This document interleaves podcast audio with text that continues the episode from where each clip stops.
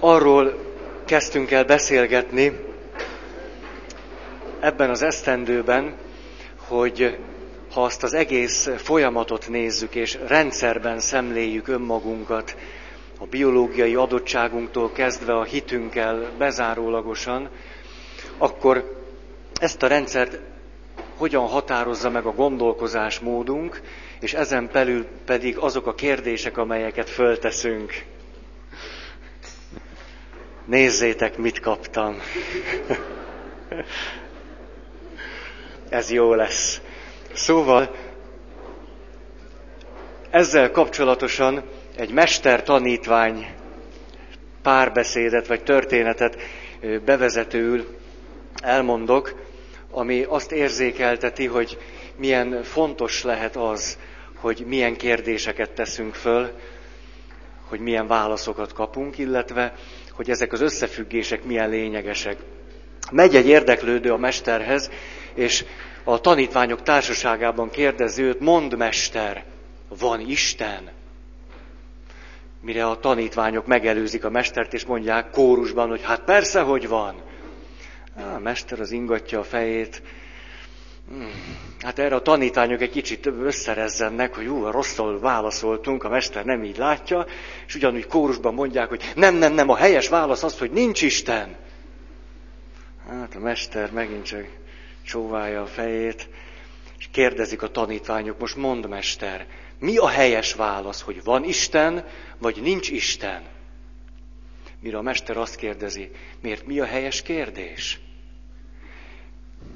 Mert hogyha erre a kérdésre nem tudunk úgy válaszolni, mint ahogyan egyszerűbb dolgokra tudunk, hogyha a válasz nehezünkre esik, akkor miért gondoljuk azt, hogy könnyen föl lehet tenni kérdéseket?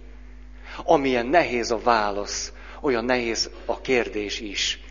És erre a kérdésre, hogy van-e Isten, racionális és logikus választ elég nehéz adni. Természetesen adunk rá választ, mert ez nekünk nagyon megéri. Ebben most nem akarok belemenni, bár erről már esett szó, minden esetre sokkal jobban járunk, ha azt a választ adjuk, hogy van, mint hogyha azt a választ adjuk, hogy nincs. De a történet jól érzékelteti azt, hogyha eleve benne van a fejünkben az, hogy talán a világ legnehezebb válasza, hogy van-e Isten vagy nincs, akkor miért gondoljuk azt, hogy nem a világ legnehezebb kérdése azt föltenni, hogy van-e Isten vagy nincs. És miközben a választ nagyon nehéznek tartjuk, aközben a kérdést egyáltalán nem tartjuk annak. És a mester valamiképpen azt akarja ezzel sugalni, hogy ha a válaszadásban óvatosak vagyunk, vagy legalábbis nagyon körültekintőek, akkor a kérdésben is így kellene eljárnunk. Az első nagy terület az az volt, amikor arról beszéltem, hogy vannak olyan kérdések, amelyek logikai önellentmondást tartalmaznak, és hallottam egy ilyet minap annyira megtetszett, hogy megosztom veletek két perc ispétlés gyanánt. Mégpedig azt kérdezte tőlem valaki, nagyon komolyan átélve az életének azt a helyzetét, amiről beszélt, hogy Atya, és most végül is, mondd meg nekem, miért büntet engem a jó Isten? Eltöprengtem nagyon ezen a kérdésen. Hogy lehetséges ez? A jó Isten büntet-e? És akkor az első ösztönös válaszom az volt, hogy döntsük el, most vagy jó Isten, akkor nem büntet, vagy büntet, és akkor nem jó Isten. És aztán, ahogy tovább töprengtem, kritizálni kezdtem magam. És ha ez egy szép paradoxon, amiről olyan szívhez szólóan beszéltem, hogy ez egy paradoxon, és hogy milyen zseniális, aki ezt kérdezi. Lehet paradoxon. Akkor, hogyha a kérdező ezt paradoxonnak tartja, tehát, ha úgy teszi föl a kérdést, hogy van jó Isten, és jó Istennek tartom, és a jó Istentől elfogadom, hogy büntet engem, akkor ez egy paradoxon, és semmi bajom nincs ezzel a kérdéssel. Csak hogy a legtöbb ember, aki így teszi föl a kérdést, hogy miért büntet engem a jó Isten, általában az Istent nem szokta jónak tartani hanem egy élethelyzetben azt gondolja, hogy őt az Isten bünteti, és a jó Isten az egyszerűen csak egy szólam az ajkán. Tehát természetesen léteznek paradoxonok. ha mi így tudnánk kérdezni, nyugodtan belemehetnénk abba a világba, amit a Szentírás is közvetít, mert a Szentírás ennek a paradoxonját éli, hogy a jó Istenről beszél egyfelől a szerető atyáról, másrészt ugyan ebben a kinyilatkoztatásban markánsan elhangzik az, bár ez is értelmezés kérdése, hogy az Isten büntet, és hagyjuk a büntetést az Istenre. Semmi bajom azzal tulajdonképpen, ha ö, ö, belegondolok, hogy az Isten büntethet-e vagy nem, hogy azt mondjam, hogy igen, büntethet, de ezt megint praktikus szempontokból mondom. Mert lehetnek olyan élethelyzetek, amelyben, hogyha én egy választ tudok adni arra a kérdésre, hogy miért történik ez velem, és az én válaszom, amely engem megnyugtat, és segít tovább élni. Ha ez a válaszom az, hogy azért, mert az Isten megbüntetett valamiért, és ez a válaszom segít nekem abban, hogy az Istenhez közel legyek, és gyógyuljak, és tovább folytassam az életet, mert azt mondom, ó, hát az Isten megbüntethet engem, minden rendjén van, miért ne tehetné meg? Akkor lehet ilyen választ adni. De hogyha ez a válasz egy nagyon egyoldalú válasz, és azzal, ha azt mondom, igen, az Isten büntetett engem, kizárom azt, kimondva kimondatlanul, hogy az Isten jó, akkor utálom ezt a választ. És a kérdést is utálom. Tehát föl lehetne ilyen kérdést tenni, de csak akkor, hogyha mind a két részét komolyan vesszük, nem játsszuk ki egymást a másik ellen. A második nagy, nagy, nagy körünk az az volt, hogy milyen csapda lehet bizonyos helyzetekben vagylagos kérdést föltenni. Olyan helyzetekben, amikor azzal kizárunk valamit, ami nem kizárható, ha eldöntjük, hogy vagy ez, vagy az, vagy hogyha vagylagos kérdést, kérdést teszünk föl, csak kizárólagosan, és másféleképpen nem kérdezünk. És ennek kapcsán beszéltem a férfi és nő gondolkozás módbeli különbségéről. Itt még egy olyan tíz percet kérek tőletek. Van egy-két olyan dolog, amit még egy kicsit összefoglalnék, meg meg is szeretnék említeni. Az a kispad. Épp arra gondoltam múltkor, hogy nem ígérhetem senkinek, hogy becseréljük őket majd. De, de azért az se annyira rossz. Szóval, hogy egy-két dolgot még ezzel kapcsolatban azért, mert kiderülhetett számunkra az, hogy ha más az agyunk, aminek nyilván környezeti és egyéb okai vannak, evolúciós okai, hogy miért lett egy férfinek és egy nőnek az agya más, és miért működünk másképpen, akkor ez azt fogja jelenteni, hogy egy nő mást lát, mást hall, mást tapint, mást érzékel, mást szaglant, és az összes többi, mint egy férfi. És ebből adódóan természetesen mást fog érzékelni, mást fog érezni, gondolni, stb. stb. Tehát itt olyan, olyan különbségek vannak, amelyeket nem oldhatunk föl. Egyszerűen csak el lehet ezeket fogadni. Hogy ez így van. És ez megint csak egy nagy lehetőség nekünk, hogy az emberiségnek a fele egészen másképp működik, mint mi. Vagy legalábbis másképp működik, mint mi. És ehhez akarok még egy-két megjegyzést fűzni. Az első, hogy a kutatók megállapították azt, hogy a nők legalább annyit stírölik a férfiakat, mint viszont. Miért van az, hogy szegény férfiakat mindig lenyomják ezért? Azért, mert egy férfi odanéz. A nőnek nem kell odanézni ahhoz, hogy lássa azt, ami érdekli. Csupán ennyi különbség van, sőt azt állítják, hogy például strandon vagy uszodában a nők még többet is nézik a férfiakat, de nem néznek oda annyira. Ez pedig nyilván azért lehetséges, mert másképp lát egy férfi meg egy nő. Ezért a férfiak ne szégyenkezzenek amiatt, hogy szemtől szembe állítják magukkal a másik nem szép képviselőit, a hölgyek pedig ne bántsák a férfiakat, hanem, na mindegy. A, a másik pedig, bár még több ilyen másik lesz, hogy nagyon egyszerűen miért bámulja a férfi a tévét este. Ebbe azért belekezdtem már, hogy miért olyan kedves szórakozásunk a tűz helyett. most ha, ha mondjuk elmentek nyáron valahova, és a férfi áhítatosan bámulja a tüzet, a nőnek talán inkább az jut eszébe, hogy milyen romantikus is tud lenni az én választottam, hogy nincs olyan nagy baj, úgy leült, és úgy ott marad, és főleg, ha sör is van mellette, fantasztikus. Ne? Egész jó választásnak tűnik. Na, most hát, ha a hölgyek tudnának tüzet gyújtani a kis szobakonyhába, akkor meg volna oldva, a tűz helyet nézi, az a szerencsétlen, és nem, nem akar ő attól semmi, csak hadd bámulhassa. Úgy kinéz a fejéből, és elég neki. Tudjátok, ráadásul 70% pihen, ki van kapcsolva. Tehát ilyenkor beszélgetni vele, ez, hogy mondjam, szóval illetlen dolog, vagy valami ilyesmi. Na most ennyit a mi gyöngeségeinkről, a hölgyek pedig nem tudnak tájékozódni. Ez egy egyszerű kijelentő mondat volt, semmiféle ítélet, hit és egyéb nem társult hozzá, csak kijelentettem ezt. Már a nőstény patkányok is rosszabbul tájékozódnak, mint a hím patkányok, tehát tényleg nyugodtan érezzétek magatokat fölszabadítva, az alól, hogy utol kellene érni a férfiakat, egyáltalán nem kell egyetlen férfit se utolérni, illetve van egy jó megoldás de kicsit olyan, mint amit már mondtam nektek, fogfájás ellen fejbe verni, a, a, a, vagy falba verni a fejünket, hogyha férfi nemi hormonnal árasztja el magát egy hölgy, akkor a szőrösségen kívül jobban is fog tájékozódni. Igen, hamarost.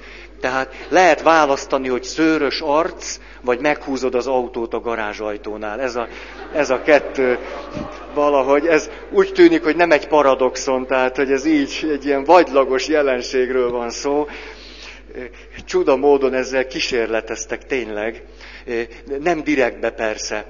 Olyan hölgyek, akik fogamzásgátló tablettákat szedtek, amelyben férfi nemi hormon volt, varázsütésszerűen hónapokra sokkal jobban tudtak befarolni különböző helyekre, és a férjeik nem értették, hogy milyennek az oka. Majd amikor nem szedték a bogyókat, akkor ugyanolyan bénák lettek, mint amilyenek voltak. Ebben semmi minősítés nincs. Csak úgy mondom, hogy nem. nem. A másik. A kutatók százalékosan bizonyították azt, hogy egy átlagnő, ez alatt azt értem, hogy az agya is nőies, 50 százalékban hosszabb gondolkodási idő alatt tudja csak megmondani, hogy melyik a jobb és melyik a bal keze. 50 százalék, aki ezt rá tudja vágni, illetve 40, mert 10 százalék az, az férfi agy, az, az tudja. 50 százaléknak gondolkodni kell, ezt mondtam múltkor. Nem mondtam. Teszteltem, a gimisekkel nagyon jól lehet tesztelni ilyesmit. Kérdeztem, hogy hogy csináljátok. Ezer trükköt mondtak a lányok, de kapásból, hogy hogyan jegyezték meg, hogy melyik a jobb oldaluk. Hogy amelyiken, amelyik kezemen a gyűrű van. A másik azt mondta, hogy én mindig fölemelem. Tehát először fölemelem, csak ezzel írok, ez a jobb. Va, valami trükköt ki kell találni. Mondom a, a, a megnyugtató hátteret, hogy miért van ez így. Dehogy bénaság, egyáltalán nem. Az az oka, amiről beszéltem múltkor, sokkal több a kapcsolat a két agyfélteke között. És miután sokkal több a kapcsolat a kettő között, nem úgy rekeszelődik sok minden, mint hogy a férfinél jobb és bal, és ráadásul az agyféltekékben és mindennek megvan a maga kis helye, hanem a kettő között átjárás van, ezért nehezebb egy nőnek eldönteni, hogy melyik a jobb és melyik a bal. Tehát semmi probléma nincs veletek, ez egyszerűen így működik. Ja, képzeljétek, az ö, ö, Angliában készítettek fordított térképeket. Hogy így is volt, meg úgy is volt a fölírások. Mert hogy a legtöbb nő úgy megy el valahonnan valahova térkép segítségével, hogy úgy fordítja be a térképet, ahogy éppen áll ezzel sincs semmi probléma, csak akkor fejjel lefelé lesznek az utcanevek, meg minden egyéb, és ez roppant bonyolultá teszi a tájékozódást, és ezért Angliában készítettek olyan térképet, hogy, hogy nem kell forgatni, mert így is van, meg úgy is van. 15 ezret rendeltek, ilyen nem tudom milyen, milyen postai akármi, kiderült, hogy a rendelők között körülbelül 20 férfi volt.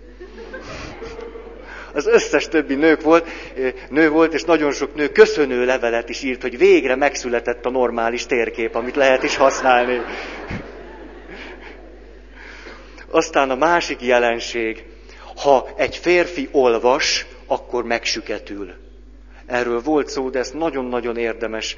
Hogy, és hogyha egy nő fölpörög attól, hogy de hát már öt perce beszélek hozzád, nem is figyelsz rám, akkor nem arról van szó, hogy nem figyel rá, hanem egyszerre egy dolgot képes csinálni. Ha olvas, tök süket.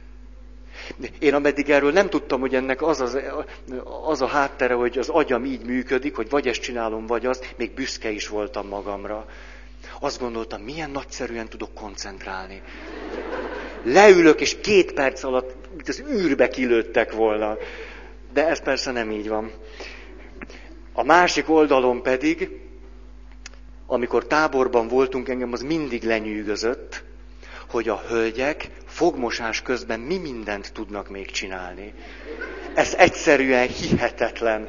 Tehát önmagában már az, hogy fogmosás közben beszélgetni is lehet engem lenyűgöz, de hogy fogmosás közben mászkálni lehet, és még valamit kevergetni is, ez számomra egyszerűen hihetetlen. Nekem már attól hány ingerem van, egy kicsit mellényelem azt a cuccot, ami a számba van. Egy férfi számára a fogmosás az egy teljes estét betöltő, vagy reggelt. Ráhajolsz, csinálod, ez itt esetleg tükör maximum, de az is idegesítő, hogy ketten vagytok, szóval... Szóval ezek a különbségek nem nagyon áthidalhatóak, inkább csak elfogadhatóak. És aztán az utolsó példa még, hogy, hogy aztán úgy érezzem, hogy na, elmondtam azt, amit szerettem volna, hogy egy férfi mondjuk, mikor este hazamegy, és van egy csomó probléma a fejében, akkor azokat szép lassan kartotékozza, és berakja a rekeszekbe. Puff, tárolja őket, és utána jól van. A nő nem így, nem így csinálja, hanem úgy, hogy ezek a problémák körbe-körbe járnak a fejében. Újból és újból és újból, és a férfi ezt nem érti, hogy hát ezt már megbeszéltük, ezt már eldöntöttük, ezt mindent csináltunk már vele, csak azt, most mit hozod ezt megint elő? Valaki ezt úgy fogalmazta meg, hogy a nő kérődzik rajta. Nem én, valaki úgy fogalmazta meg. Ennyit akartam még erről, erről, és, és minden mögé oda lehetne tenni, minden-minden példán mögé valamit, amit tudunk az agy működésünkről, és arról, hogy minden-minden visszavezethető oda, hogy ahogy mondtam, körülbelül százezer évvel ezelőtt meghatározott körülmények között alakult ki a mai alapvető berendezkedése az agyunknak. És ezek a körülmények ma is meghatároznak minket. Persze, és egyfelől úgy meghatároznak minket, hogy nincs esélyünk teljesen úgy elsajátítani a működésmódunkat egy férfinek, hogy egy nő teszi, egy nőnek, hogy egy férfi teszi. Erre nincs esélyünk. Viszont, és itt jön be az a szempont, ami, ami a legizgalmasabb, hogy létezik bennünk egyfajta spirituális intelligencia. És amikor valami olyan dologhoz jutunk el önmagunkkal kapcsolatban, vagy egy, egy ilyen kapcsolatban, ahol egy áthidalhatatlan különbség létezik, akkor létezik bennünk, és ez megint csak visszavezethető az agyműködésünkre, egy olyan terület, vagy egy olyan készség és képesség, ami ezeket a helyzeteket képes bennünk elfogadhatóvá, élhetővé tenni.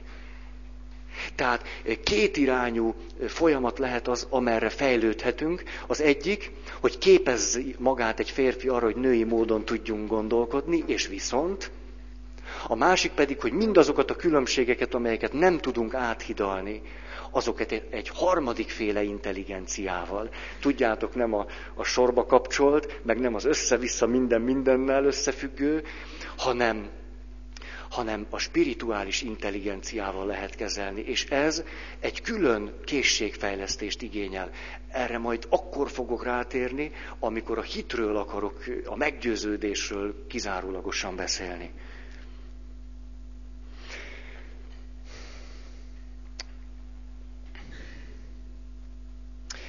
Akkor jöjjön a harmadik nagy, nagy kör.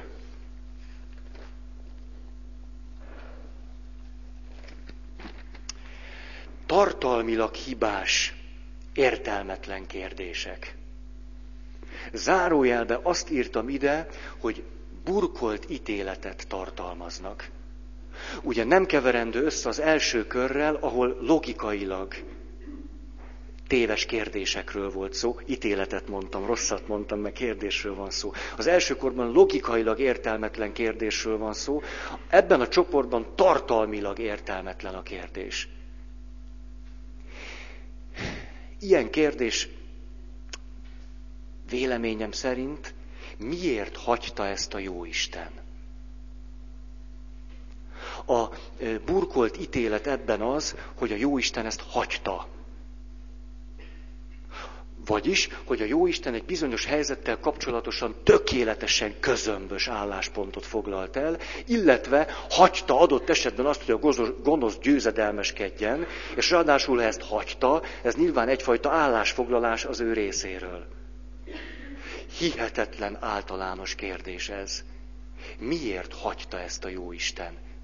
Egyszer eszembe jutott az, hogy, hogy miért nem szokták föltenni ezt a kérdést úgy, hogy, hogy apa, te ezt miért hagytad? Vagy anya, te ezt miért hagytad? Mint hogyha adott esetben a szüleinkkel vagy a barátainkkal kapcsolatosan sokkal jó indulatúbbak lennénk. Egyértelműen tudnánk azt, hogy hát ő is ugyanolyan ember, mint én. És bizonyos dolgok nincsenek a kezében. Tudta, hogy ezt én úgyis úgy fogom csinálni, ahogy akarom. Nem így merül föl a kérdés, hogy most hagyta, vagy nem hagyta, akarta, nem akarta, hanem én csináltam valamit. De az Istennel kapcsolatosan ezt hihetetlen számonkérően és egy burkolt ítélettel tudjuk megkérdezni. Ha így kérdezünk, az Istenről már ítéletet mondtunk a kérdésre már tulajdonképpen megadtuk a választ, illetve a kérdés már megadta a választ. Aztán, hol volt Isten, amikor ez történt? Burkolt ítélet, az Isten nem volt ott. Egy ilyen helyzetben az Isten biztos, hogy nem lehetett ott, különben nem történt volna meg. Na de ha nem volt ott, akkor hogy lehet ő Isten? Vagy ha ott volt, miért hagyta? Be lehet zárni ezeket a köröket. Aztán, miért nem sújtott le a gonoszra? Ez megint az a, az a, az a tévedésünk, hogy a jót azzal érvényesíteni lehet, még inkább az igazságot, hogy erőszak árán érvényt szerzünk neki. Ha az igazság valóban igazság, annak erőszak árán nem lehet érvényt szerezni. Lehetetlenség, hogy az igazságnak erőszak árán érvényt lehessen szerezni. Ez azt fogja jelenteni, hogy mi képviselhetjük az igazságot, minél több erőszak lesz benne, a másiknak minél több kényszerítése és a többi, az annál inkább veszít az igazság értékéből vagy tartalmából. Jézus hihetetlen erőteljesen kikerülte azt az utat, hogy az igazságot erőszak árván, árán érvényesítse.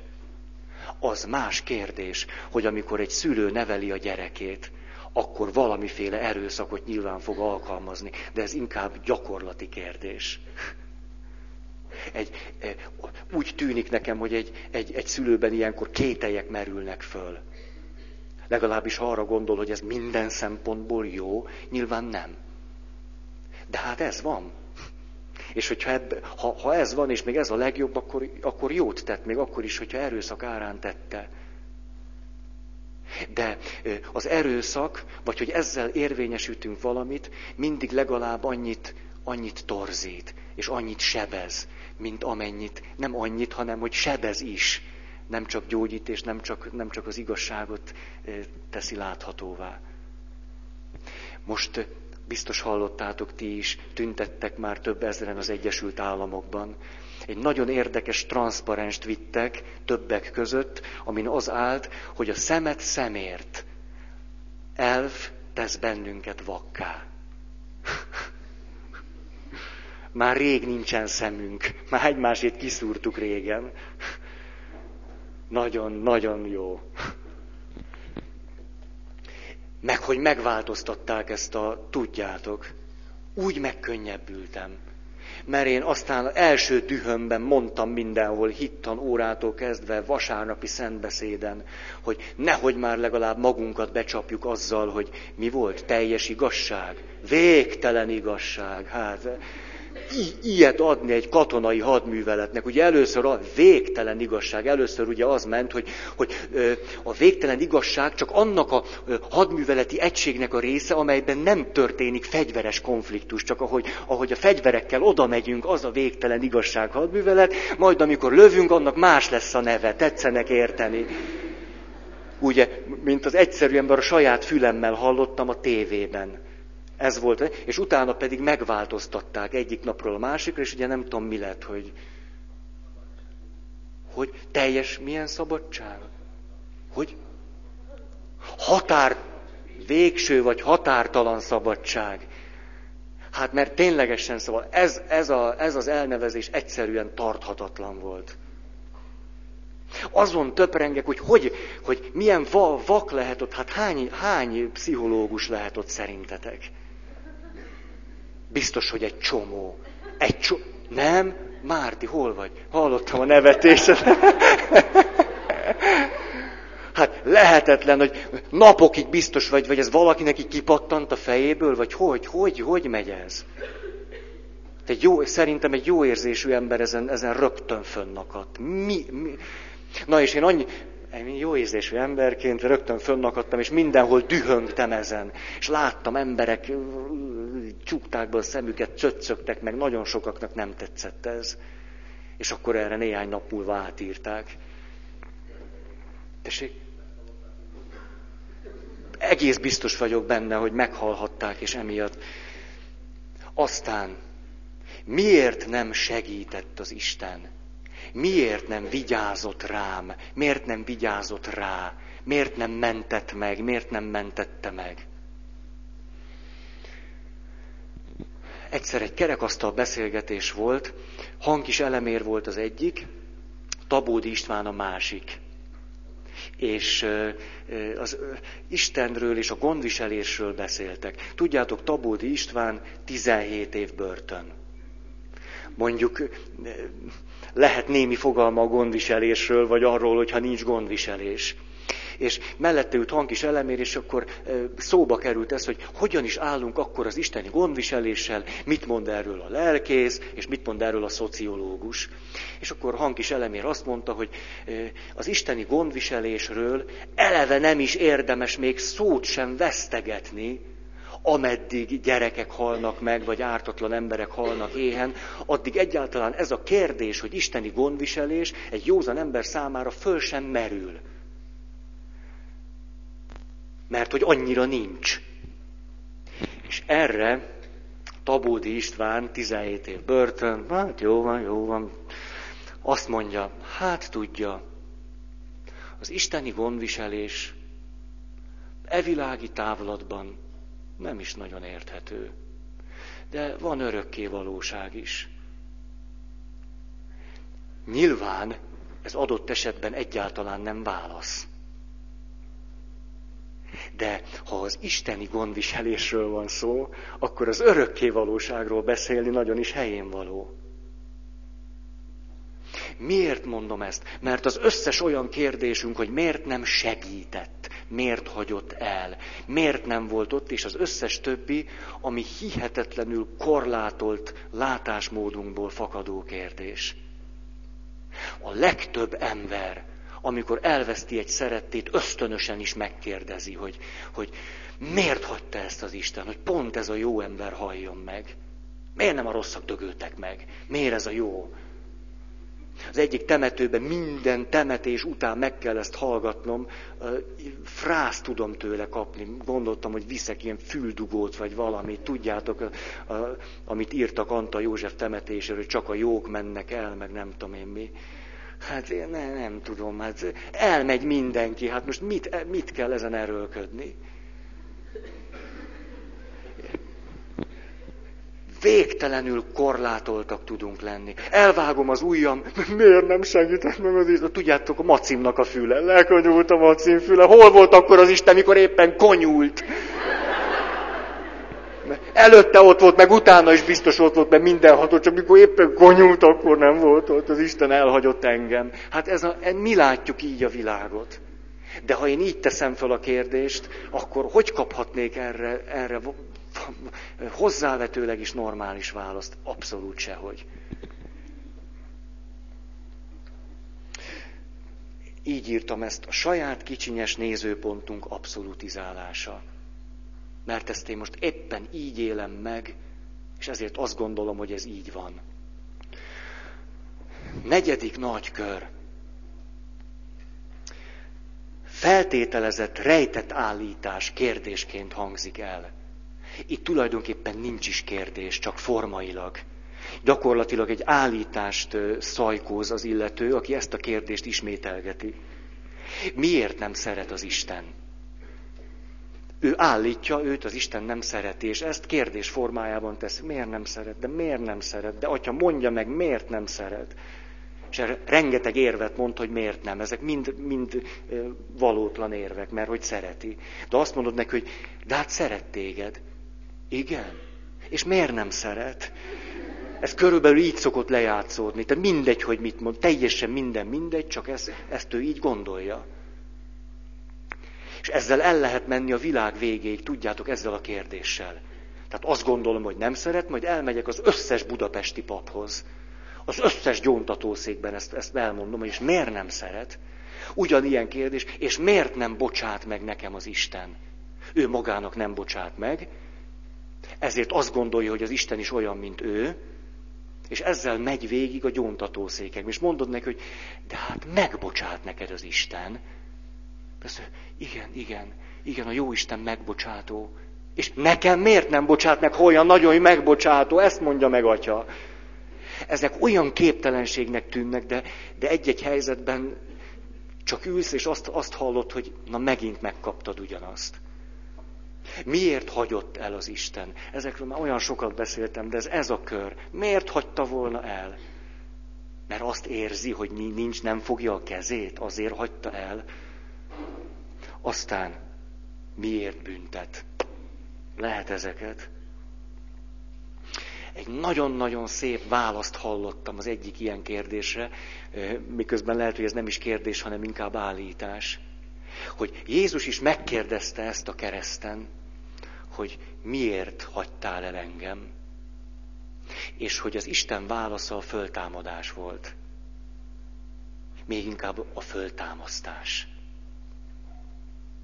De nagyon könnyen bezáródhatunk, ha nincs örökké valóság, akkor Jézus utolsó kérdéseinek egyike, miért hagytál el engem?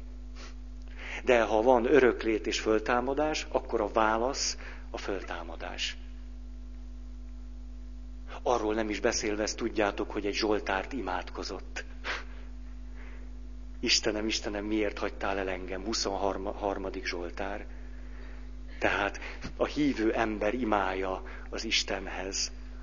Csak nem úgy fogalmazódik meg, hogy Uram, úgy érzem, hogy nem vagy most velem, vagy, vagy mit tudom én. Rosszul vagyok éppen, mert meg fogok halni, és ez nem egy jó érzés. Mi hát, ez egy imádság volt. A következő. Ezeket, ezeket nagyon csak hajtom, mert, mert ezekről sok szó esett már. A probléma központú kérdések. Nagyon egyszerűen azt lehetne mondani, hogy probléma az, amit problémának tartok. Ez nekem nagy gyöngém. Úgy élvezem a problémákat. Ú, ez egy nehézség. Ezek... Szoktam ilyeneket mondani. De probléma akkor van, ha én azt problémának tartom. Milyen hihetetlenül ö, lezserek tudunk lenni, amikor a másik hoz valamit, és az neked nem probléma. És hát többé-kevésbé azt gondolod, hogy hát ezen problémázni, ne is haragudj, hát az egyszerűen röhelyes vagy. Ha van bennünk jó érzés, ezt nem mondjuk, csak gondoljuk. Hogy ne ezen, lekonyult a macimfüle, és Nem már, hát múlt héten is ezt mondtad. Hát nem, nem tudsz már tovább lépni egy kicsit. Be lehet helyezni a mondatba bármit. Probléma az, amit problémának tartok. Most ide ilyen kérdések tartoznak. Probléma központú kérdésföltevések. Miért kellett ennek így történnie? Aztán, miért pont velem történt? Aztán, miért vagyok ilyen pehjes? Hogy lehettem ilyen hülye? Ki volt a hibás? Ezek probléma központú kérdések. Nehézség, hogy eleve abból indulok ki, hogy van egy probléma. Ha van probléma, azt meg kell oldani. Ha nincs probléma, nincs mit megoldani. A lehető legjobb megoldás a problémáinkra, hogy megszüntetjük azoknak a probléma voltát. Ha nem probléma, nem kell megoldani. Ha azt mondom, az az én problémám, hogy lassabban futom a száz métert, mint amennyire szeretném. Ez egy iszonyatos nagy probléma. A középpontba helyeztem ezt, a maratonit lassabban futom, mint ahogy, ahogy szeretném. Ez, ez, ez a gondom. Egyrészt akkor a gond kerül a középpontba, és az, amikor ezzel a kérdéssel elő hozakodok magam előtt, akkor valami rossz kerül a középpontba. Miért nem lehet azt a kérdést, vagy ezt a helyzetet úgy megítélni, hogy hogyan edzek, hogy gyorsabb legyek? Ez egy nagyon jó kérdés. Mondjuk, vagy valami ilyesmit. Mit kell csinálnom ahhoz, hogy gyorsabban fussam le a maratont? Ez probléma? Egyáltalán nem. Miért volna probléma? Vagy az a célom, hogy gyorsabban fussam le. Hogy kell ezt csinálni? Itt nincs probléma. Egy feladat van, vagy egy cél van, vagy egy küldetés van, vagy akármicsoda van, de nem probléma. Ez egyébként az összes papok, lélektani szakemberek, meg az összes, tudjátok, rokonok és állatfajták beleértve, mi nagyon sok rosszat is teszünk. Mert hozzánk mivel kell jönni? Problémával. Képzeld, jössz és azt mondod, hogy nekem semmi problémám nincs, csak úgy beszélgetni akarok. Van ennek, kinek van ideje erre? Mit képzelsz az én drága időmet, amit a problémákra akarok szánni? Itt van a naptáram, a napomnak a felét problémákra szoktam szánni. Ez az én értékes időm, te meg csak így jössz, mert van egy célod. Hát érd el, hát és kirúgod. Miközben lehet, hogy so, so, sokkal jobban ö, ö, működik, ö, és azt mondja, ez font, már eleve van, legjobb kliensem. Egy célra jött, megbeszéltük, és kész. De ha ő problémával jön, akkor a problémát ugye nekülünk megoldani. Ezzel elmélyítjük azt a tudatot, hogy itt egy probléma van, amit meg kell oldani. Teljesen be lehet ebbe golyózni. Teljesen. Egy idő után eh, egy megoldás lehet, hogy tudod mit? Most hagyd az egészet. Volt már olyan, hogy belementetek valami, és eljutottatok egy olyan pontig, ahol tudtátok, hogy innen egyszerűen, hát nem, nincs már tovább, vagy már ötven egyszer értetek ugyanoda vissza. Csak el lehet engedni az ilyesmit. Sokszor meg is szűnik. Mint mondjuk egy betegség. Keresztúron az egyik hölgy mondta, hogy atya, húsz éve nem voltam kórházban, egészen rosszul vagyok már, de nem megyek el, mert bebizonyítják nekem, hogy beteg vagyok. És ugye ezen, ha bemész, rögtön találnak valamit. Hát ez, ez száz százalék, addig tök jól voltál. Mondjuk úgy haltál volna meg, hogy nem tudom, rosszul működik valami kis izé a gyomrodba. És olyan vígan éltél volna, és vígan meghaltál volna azzal, hogy rosszul működik. De amikor megtudtad, hogy az rosszul működik, akkor azzal már valamit csinálni kell. Ez lehet olyan, néha az, hogy hülyeségeket beszélek, de hogyha ha, ha reflektálunk magunkra, egy csomó dolgot egyszerűen el kellene, ezek nem problémák, hogy átfogalmazni az összes ilyen irányú kérdésünket.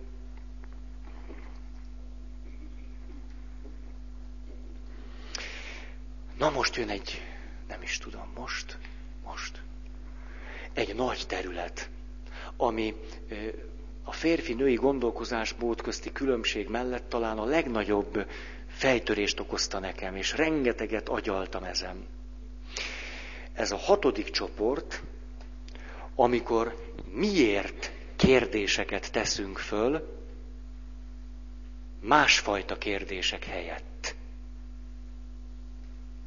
És ez a mi fülünknek szinte fölháborítóan hangozhat. Mert hogy a filozófusoktól megtanultuk azt, hogy azt tesz bennünket igazán emberré, hogy állandóan ezt kérdezzük, hogy miért. És pont nem így van. Van létjogosultsága annak, hogy tegyünk ilyen kérdéseket föl, hogy miért. De az első megjegyzésem, tudunk-e választ adni az olyan kérdésekre, hogy miért? Mondok egy mesét. A tév moziban mutatták be, körülbelül fél évvel ezelőtt ez a Kirikó meg a boszorkány. Ugye, jó mondom? Szóval az a kis néger fiú egy, egy afrikai mese. És a francia film, de afrikai mese, ez azért jó, mert egy jó ősi valami. Nem filozófusok írták. Van a kicsi fiúcska, egészen pici. És a boszorkány lehetetlenné teszi a falu életét. És a kisfiú elhatározza, hogy ő megmenti a falut. És elindul, és elmegy valakihez, akiről úgy tudja, hogy majd ő fog neki segíteni. És az első kérdés a kicsi fiúnak, hogy egyébként küldetése van, tényleg segít is majd a falunak, hogy mond, miért gonosz a boszorkány? Mire az első válasz, tudod, azért gonosz, mert a hátában van egy tüske, és az neki annyira fáj, hogy emiatt gonosz. Mire a kicsi fiú következő kérdése is, és miért van a hátában a tüske? Hát azért van a hátában a tüske, mert emberek belerakták a hátába. Kisfiú harmadik kérdés, és miért nem veszi ki a boszorkány a tüskét a hátából? Azért nem veszi ki a hátából, mert az nagyon fájna neki, inkább benhagyja. És akkor, meg, és akkor mi? És akkor azt mondja ez a valaki, aki segít neki, hogy most álljunk meg. Három kérdésedre válaszoltam, de végtelen kérdést tehetnél föl nekem, és egészen a teremtésig kellene mennünk ahhoz, hogy én meg tudjam neked mondani, hogy ez a boszorkány miért boszorkány. Ne tedd föl így a kérdést. Másképp kérdezzél. Ha te tudsz választ adni egy olyan kérdésre, hogy miért, az nem az igazság. Ebben biztos lehetsz. Hanem eljutottál egy olyan válaszig, ami téged megnyugtat. Ennyi történt. Semmivel se több. Elmentél addig, ahol az a válasz a te rendszeredben kielégítőnek tűnik számodra, elsősorban érzelmileg. Meg vagy, leülsz.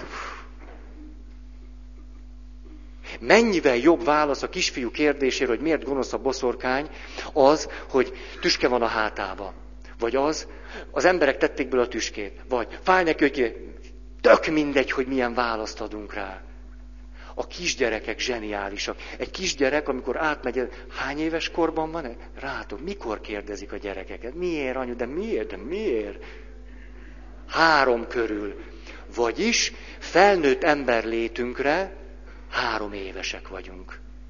Akkor, amikor megakad az életünk, és elkezdjük ezt kérdezgetni. De miért? De miért? Az apám miért alkoholista? Miért lett ő alkoholista? Miért? Miért és miért? Miért jutottam én ide, atya? Miért jutottam ide? Miért ilyen az Isten? Miért ilyen a feleségem? Miért csinálja ezt? Miért mondja ezt? Ez az összes miért kérdésünk a semmibe és a végtelenbe fut. A lehető legjobb az, ha már ezt kérdezzük, hogy miért, mert nyilván van ennek létjogosultsága, ha minél gyorsabban adunk rá valami választ. Mindegy, hogy igaz-e vagy nem. Hát teljesen mindegy, mert úgysem igaz. Ne, ez a kérdés, hogy miért, nem azt a célt szolgálja, hogy megtudjuk, hogy miért, hanem hogy megnyugtassuk magunkat, hogy tudjuk, hogy miért. Legalábbis ezt gondoljuk, nem tudjuk, csak amikor eljutunk oda, hogy azt gondoljuk, hogy most tudjuk, hogy miért, akkor megnyugszunk.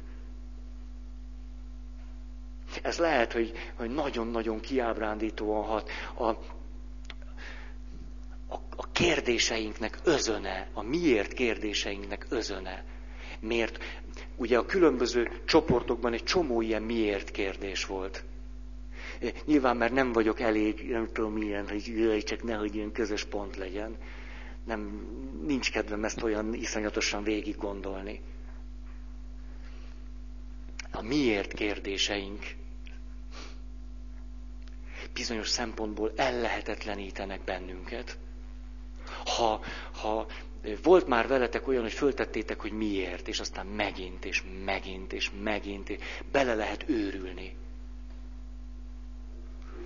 Egy három éves gyerek, ez persze saját tudom ötletem erről, azért fejezi be mondjuk négy éves korára azt, hogy így kérdezzen a világról, hogy miért, mert rájön, hogy tök értelmetlen.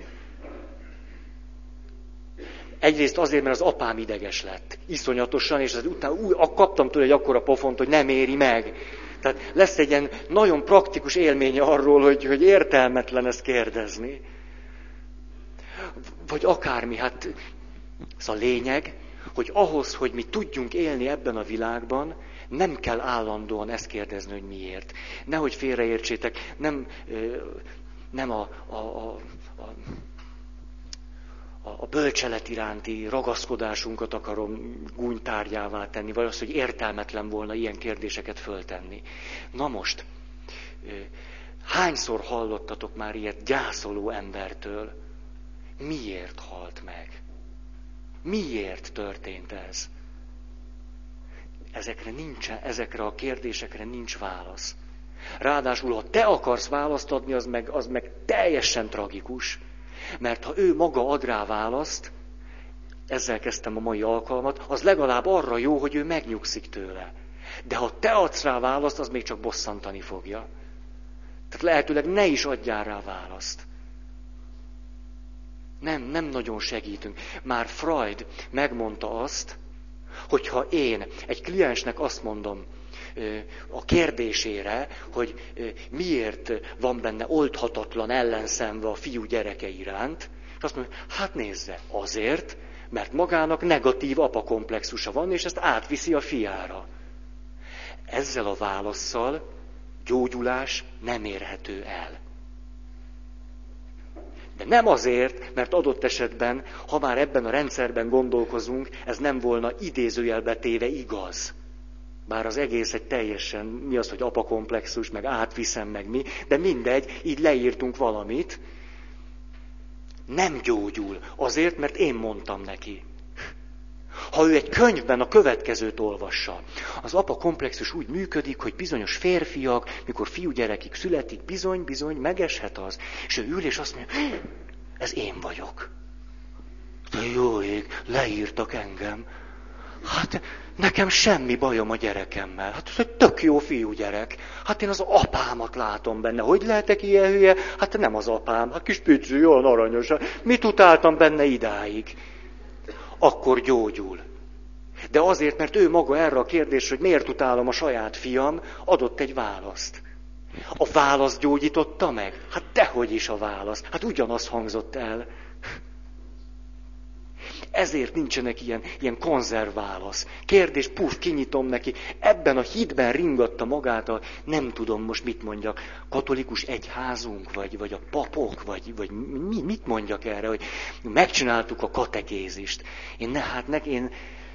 Szóval, tehát jó valamire jó. Most nem, nem akarok egészen a végletekig menni. Tehát valamire jó, ugye, hogy attól függ, hogy milyen papírra nyomják. Nem. Tehát jó, mert azt mutatja nekünk, hogy mindenféle kérdést föl lehet tenni, és minden kérdésre lehet válaszolni. Miből van az nekünk? Erre jó. Most, ne, most ha olvastatok már úgy tételesen katekézist, amit az első áldozó gyerekekkel én is megtanítatok. Miért? Azért, miért, ugye? Miért? De legalább rájöttem, na, ugye, hogy Azért, ugye, mert rögtön adok rá választ is, hogy azért, mert nyilván most egy nyolc éves gyerek, mikor azt kérdezi, hogy atya, miért teremtette Isten a világot? Most erre kezdjem elmondani, tudod, fiam, egy ilyen kérdést értelmetlen föltenni, hogy miért, mert nem, hát erre adsz neki egy választ, ami őt megnyugtatja. A válasz, Isten szeretetből teremtette a világot. Jó ez nektek? Én ne, ne, nem tudom. Hát akinek jó, az tök jól érzi most magát. Na hát, ezt sose tudtam idáig, és most megkaptam a választ. Aki ezt élte meg, annak tök jó kész, az fogja be a fülét, és megkapta a választ. De erre, hát értitek, hát most ez válasz. Szóval, annyira esetleges, hogy azt se tudom, hogy, hogy hova legyek. A mi, na, a halálról beszéltem. Miért kell meghalni? Van ennek a kérdésnek valami értelme is? Akkor van, ha választatsz rá. Akkor egyszer csak a kérdésnek értelme lett. De nem a kérdésnek lett értelme, hanem annak, hogy te tudsz élni. És visszafelé, visszafelé menőlegesen a kérdést legalizáltad, vagy legitimáltad. Megjelent ez a könyv a meghitt halál. A szerzője hét évig haldoklók között volt. Az, az előszót nem ő írta egyébként, hanem Mitterrand elnök. De ez tök mindegy, hogy ki írta.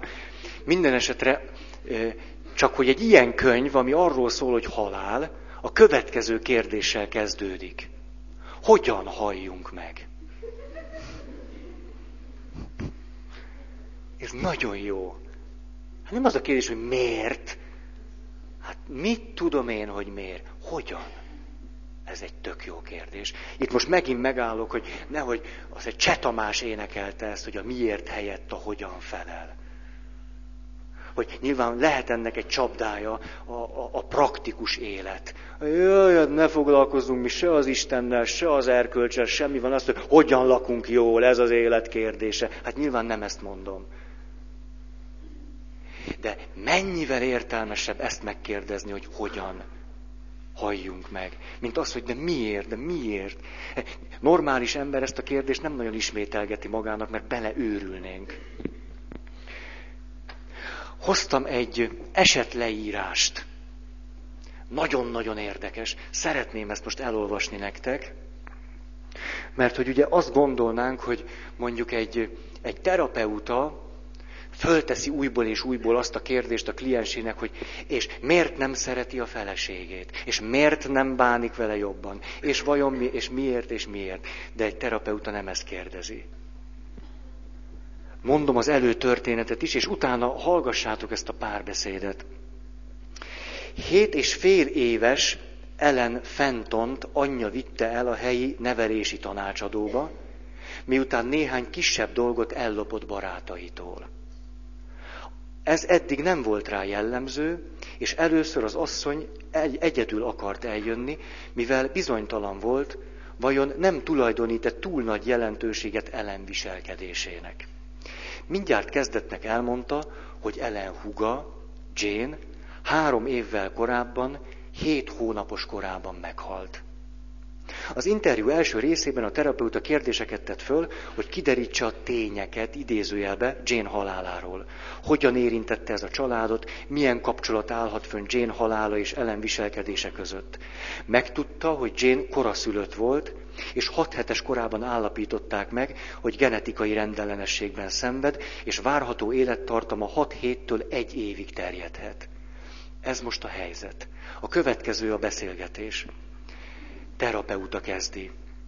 Hogyan érinti önt Jane halála? Hiányzik a lénye. Hiányzik, hogy foglalkozhatok vele, hogy kézbe vehessem. A férje David hogyan látta Jane halálának a hatását önre? Úgy látta, hogy jól viselem. Mások is azt mondták, hogy így van, pedig időnként sikoltozni akartam. Nem akarom elviselni, nem viselem jól. Fájt, hogy örökre elveszítettem. Annyira elkeserítő, mégis olyan sok örömet kaptam tőle. Hogyan hat Jane halála mostanában ellenre? Ő is hiányolja, beszél róla. A szobájában tartja a róla készült fotókat, és megmutatja a barátainak. Ön szerint hogyan lehet ellenlopásait összekapcsolni Jane halálával. Talán nem tudta túltenni magát rajta. Ha nem tudta elfelejteni, milyen kérdéseket vet ez föl önnek, mint szülőnek? Talán hibáztat bennünket, és a magyarázataink ellenére. Azt hiszem, talán úgy érezhető, hogy hibásak vagyunk, amiért nem adtunk neki egy egészséges kis testvért. Gyakran kérdezi, mikor lesz egy másik gyerekem. Jane bizonyos fokig az ő szülötte volt, a nevét is ő választotta. Talán fölrója nekünk, hogy nem kapott tőlünk egy egészségesebb kis testvért. És milyen magyarázatot keres Ellen? Erre nincsenek megfelelő szavak. Önmagunk számára sincsenek, csak ennyi. Miért pont én? Miért pont én? David azt mondja ellennek, hogy ez bal szerencse volt. Hogyan fejezi ki ön és David ezeket a szomorú érzéseket? Hát ez elég nehezen ment, szükségünk volt egymás támogatására, de David állta a sarat. És Ellen? Eleinte nagyon csendes volt, nem sírt, hanem visszahúzódott. És hogyan fejeze ki a szomorú érzéseket, amint az idő elmúlt? Bátorítottuk, hogy mondja el, mit érez. Sok barátunk azt mondta neki, hogy milyen jól viseli a dolgot, dicsérték érte. Hogyan mutatta ki Ellen a haragját? Nem nagyon. Azt mondogatta, milyen szerencsétlenek vagyunk. Aztán kárhoztatta Istent. Egyszer azt mondta, miért nem menti meg Jane-t az Isten, és miért nem küldi vissza? Visszanézve, miféle bíztatást akar Ellen? Sokat akart, mondtuk neki, hogy Jane-nek meg kellett halnia, és hogy senkit sem lehet ezért hibáztatni. Segítenünk kellett neki abban, hogy elrendezze magában a dolgot. Az életnek mennie kell tovább. Milyen bíztatást akart Ellen önöktől? Tudni akarta, hogy még mindig szeretem. Hogy egyikünket sem kell hibáztatni, egyikünk sem bűnös. Egyszerűen azt akarta, hogy szeressük. És David mit gondolt, milyen biztatásra volt önöknek szüksége? Stb. stb. stb. Ez a milánói módszer teljesen mindegy, rendszer szemléletű családterápiáról van szó. A terapeuta egyetlen olyan kérdés sem tett föl, hogy miért. A kliensek annál inkább. A gyerekek is, és a többi is. Miért, miért, miért? És mit tett a terapeuta? Nem akart ezekre válaszolni, hanem ment jó értelemben a, a saját logikája szerint. Itt ebben az esetben a lehető legjobb értelemben. Értelmetlen lett volna belemenni pont abba a zsákutcába, amely miatt ezek az emberek kliensé váltak.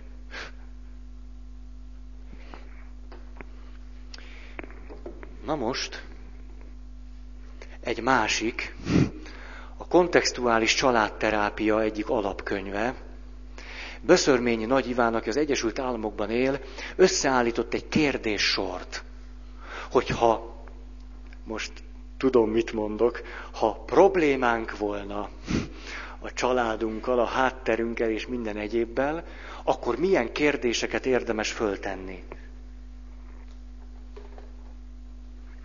Boldogabb volt-e az ön gyermekkora, mint a gyermekeié? Hasonló-e hasonló-e az ön házassága a szülei házasságához? Ön kire számíthat? Kivel tud nyíltan beszélni? Hogyan ismeri el ön az ő hozzájárulásukat? Melyik szülő sebezhetőbb? Hogyan? Védik-e a gyerekek a sebezhetőbb szülőt? Ha igen, hogyan? Melyik szülőt kritizálják a gyerekek nagyobb biztonsággal? Mit tudnak a gyerekek az ön gyerekkorának nehézségeiről? Tervezett gyerek volt-e ön? Ha szülei hirtelen meghalnának, mit mondott vagy tett volna nekik még ez előtt? Mondta a gyerekeinek bármit a házasságról. A felét olvastam el körülbelül, egyetlen miért kérdés sincs közte. És most egy harmadik, az egészségre vonatkozó helyes kérdések. Ez a neurolingvisztikus programozás, az NLP-nek az gyűjteménye, akik zseniálisak abban, hogy helyesen tegyenek föl kérdéseket. Mit érzek? Milyen érzéseim vannak a jelenlegi állapotommal kapcsolatban? Hogyan éreztem magam, mielőtt megbetegedtem? Mit jelent számomra a betegség? Mit jelentsen inkább. Milyen erőforrásaim vannak arra, hogy jól érezzem magam. Mi a rossz abban, hogy így érzem magam? Milyen előnyei lehetnek annak, hogy most beteg vagyok? Mit tanulhatok ebből a betegségből? egyetlen miért kérdés sincs. Nem kérdezi azt meg, hogy miért vagyok beteg. Mert értelmetlen.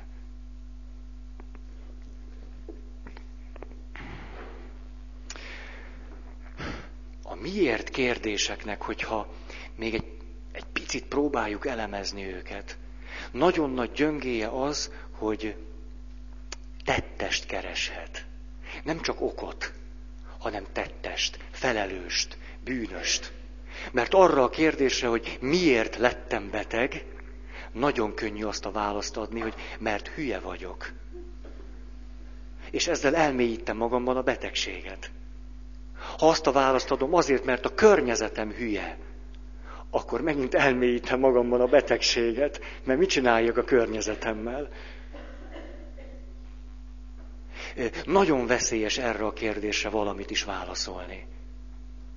Főleg akkor, hogyha ha a kérdés úgy hangzik bennem, hogy ha megtalálom a tettest, akkor jobb lesz nekem. De nem lesz jobb. Ha a tettest megtalálom, akkor semmivel sem kerültem előrébb, pont úgy, mint hogyha megmondják nektek azt, hogy negatív apakomplexusotok van. Mit értek vele? Semmit. Olyan Csomószor beleestem ebbe a hibába, amit meg nem tanultam, amikor valaki még, hát sok-sok évvel ezelőtt még akkor hajlamosabb voltam erre, én rájöttem, hogy neki mi a baja. Ez már eleve egy kicsit furcsa, de mindegy, én arra rájöttem. Vagyis nekem voltak kérdéseim, és én ezekre válaszoltam adott esetben teljesen függetlenül, hogy ez, ez összefüggötte az ő dolgával. Mindenesetre én nagyon megörültem, hogy a saját kérdéseimre választ kaptam, és ezeket el is mondtam neki.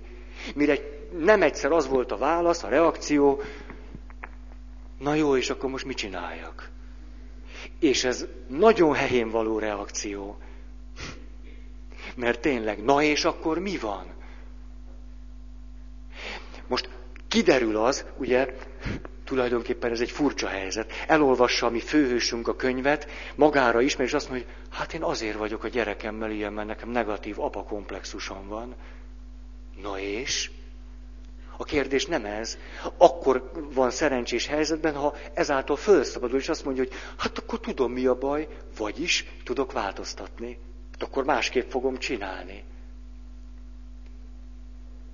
akkor jó a válasz. Különben mi értelme van?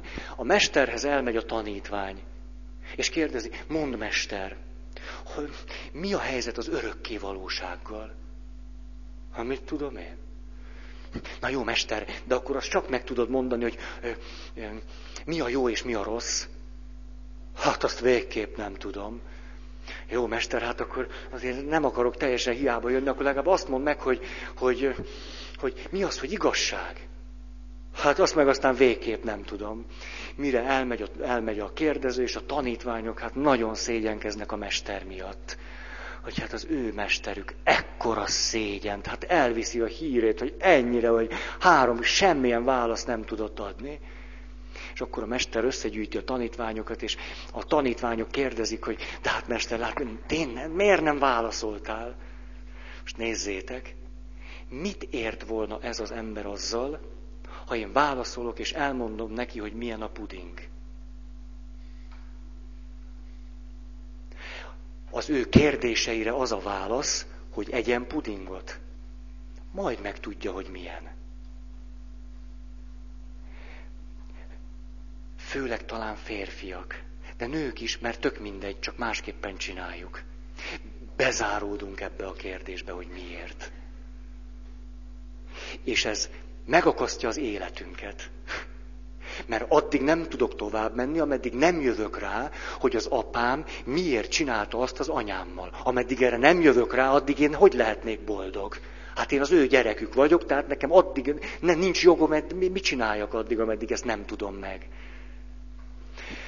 Keleten ezt az egész terápiás hókusz-pókuszt úgy, ahogy van hülyeségnek tekintik.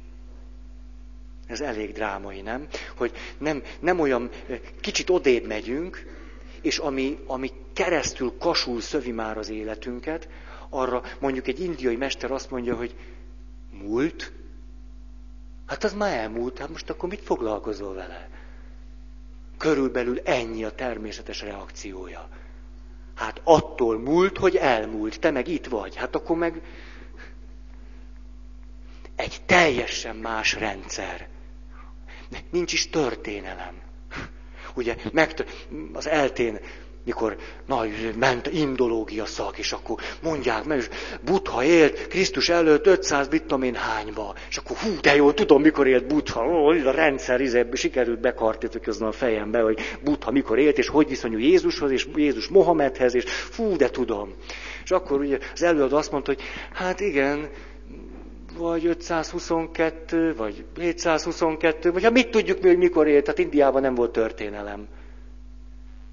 Ne, nem volt történetírás. Mert minek? Hát ha már elmúlt, minek azt leírni? Hát hülye vagyok én? Itt élek most, csinálhatnék egy csomó jó dolgot, és azt írom le, hogy mi volt. Hát mi értelme van ennek? Ezt most csak azért mondom, hogy, hogy olyan férfiak, mint mi, meg olyan nők, mint ti, olyanok képesek egészen másképpen élni és gondolkozni. És ezt, hogy múlt, ez, a múlt meg, hogy probléma, ezek nem kerülnek össze, ezek nincsenek, nincsenek egy kalap alatt. És teljesen esztelennek néznek minket.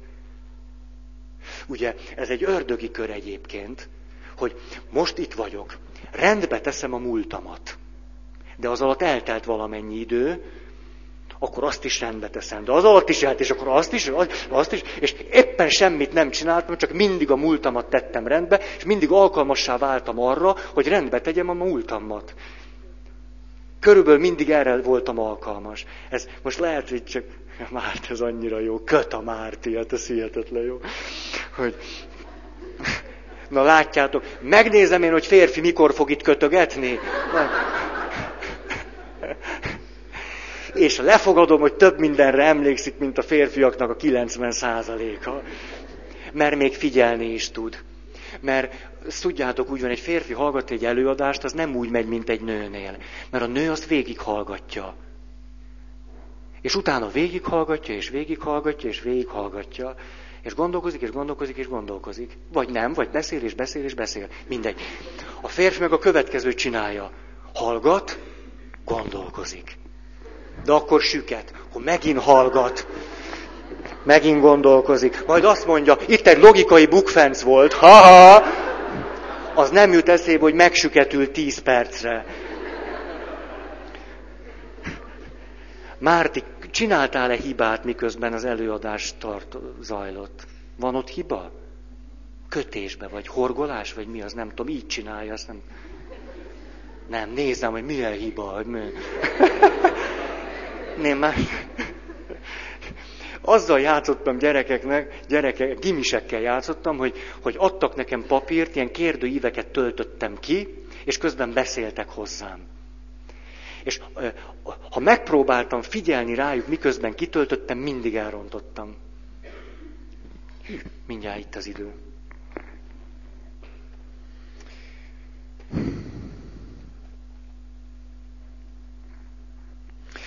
Tehát akkor csak egy, egy, egy pici gondolat a végére, hogy ami a ki, miért kérdésekre megnyugtat bennünket, mert ha, ha felelőst akarunk, bűnbakot, meg az összes többit, akkor legalább annyit vesztettünk, mint amennyit nyertünk. Csak odébb rúgtuk ugyanazt a kérdést, és semmit nem oldottunk meg.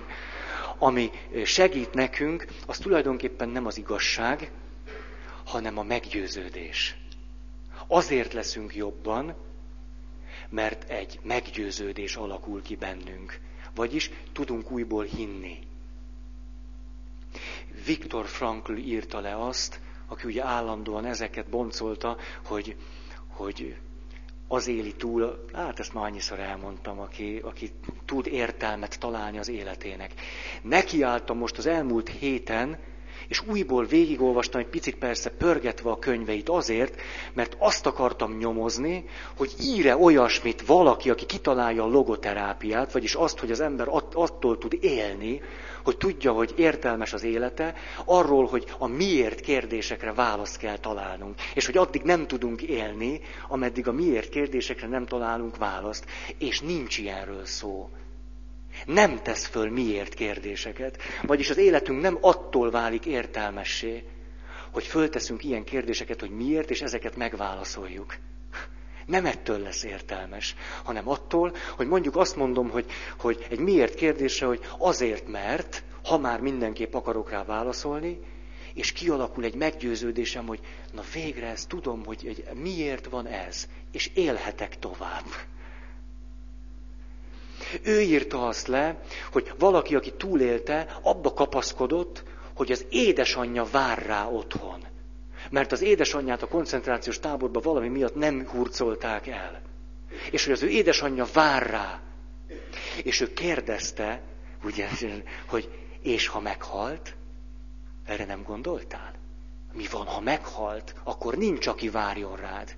Mire az illető azt mondta, de hát teljesen mindegy, hogy meghalt-e vagy nem, mert tudom, hogy vár rám.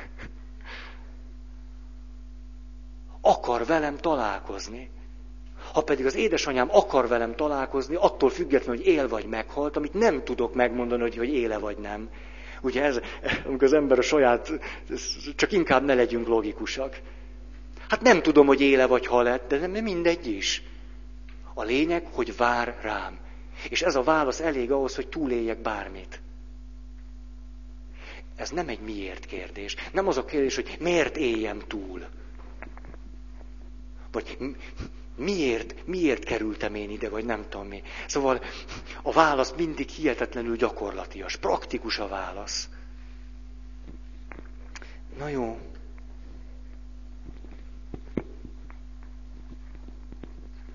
Ja igen, na ezzel szívesen befejezem, hogy egyszer már ezt említettem, a Szentírás zsenialitása, Kány és Ábel története. A gyerekeket mindig beugratom. Minden alkalommal az a kérdésem, hogy Isten miért nem fogadta el Kány áldozatát, és miért fogadta el Ábel áldozatát. És a gyerekek mindig tudnak valamilyen választ. Miközben a Szentírásban nincs rá válasz olvassátok el. Nincs válasz. A helyes kérdés arra, hogy miért fogadta el Kány Ábel áldozatát, és miért nem Ábel, és miért fogadta el Ábelét, csak. Ez a jó válasz. Csak. Vagy mit tudom én, vagy ha neked szükséged van erre választatni, akkor adj rá választ, de ne gondolt, hogy azért. Csak hidd el, hogy azért. Nincs rá válasz. És közben a hittankönyveket elkezdtem nézni. Minden hittankönyv válaszol erre a kérdésre, hogy miért. Tök jó. Nézzétek meg, ha van otthon hittankönyvetek.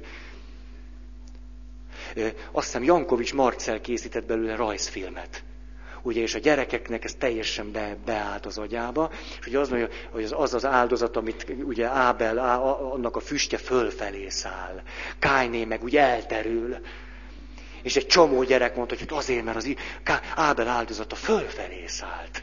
Na ez egy jó válasz, nem ez tényleg ezért. Egyszer egy tanárunk a teológián megcsinálta ezt velünk.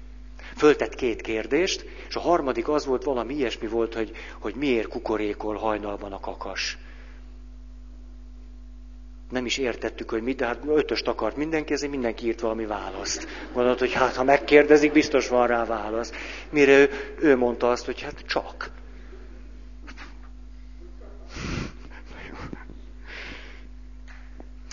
Köszönöm a figyelmeteket. Következő héten találkozunk. Van-e valakinek kérdése? Vagy mi hirdetése, látjátok?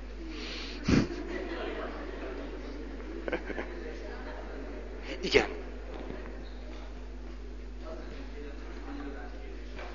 Ja.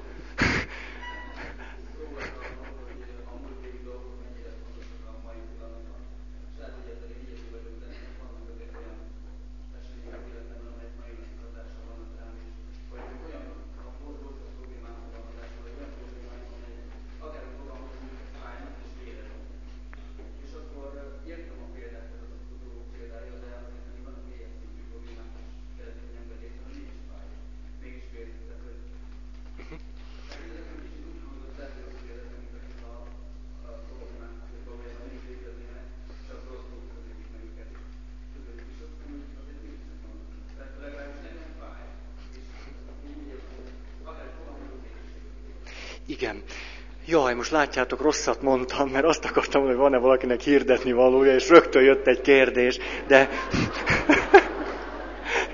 nem is akartam megkérdezni, de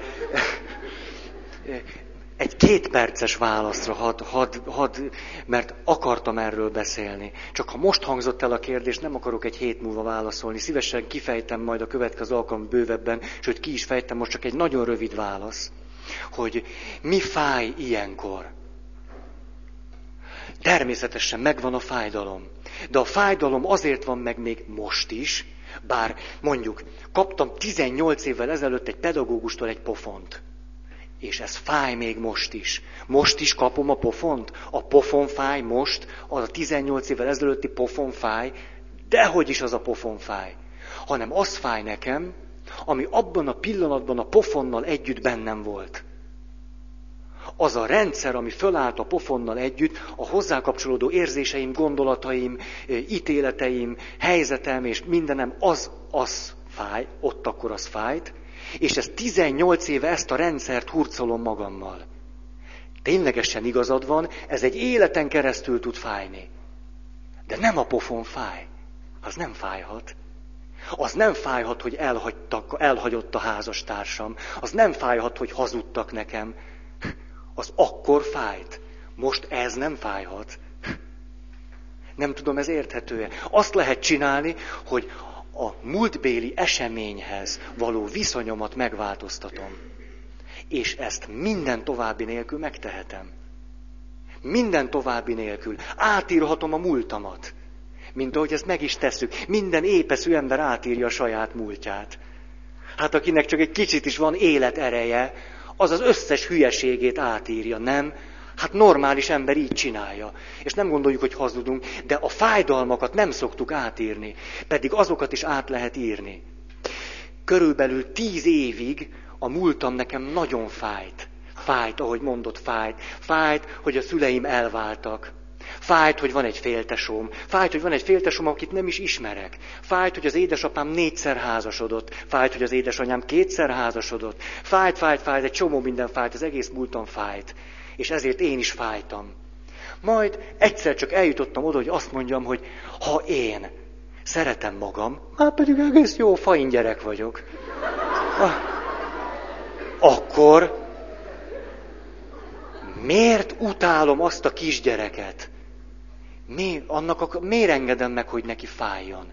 Hát dehogy is, szeretem azt is. Azt a kis hülye gyereket, tök édi. Vagyok akkor, amikor bepisiltem eh, egy hét éves koromban. Tök jó fej vagyok. Ami, ez szégyen? Akkor iszonyúan szégyeltem magam. De most mit szégyeljek rajta? Tök jó, hát ez én voltam. Én csak egyedül én pisiltem be akkor ott a jakobinusok terén. Ti nem pisiltetek be, én. Ez az én élményem, ezt én csináltam, és én ebből élek, hogy én bepisiltem, és egy csomó jó gondolatom van ezzel kapcsolatban. Most, most be, na, kicsit elkapott a hév meg mi, de hogy, hogy a, a múltunkkal semmi gond nincs, semmi. Csak a, a, a múltnak a dolgaithoz való viszonyunkkal van a baj. Ezt visszük, visszük egy életen keresztül. Semmi. Úgy szeretem az, szeretem az életemet az összes múltbéli baromságával együtt, mert az, az pont az én életem. És ez, na, szóval nem, nem tudom ezt másképp mondani. Hát tök jó ez az én életem. Hát mit utáljak benne? Na, szerbusztok.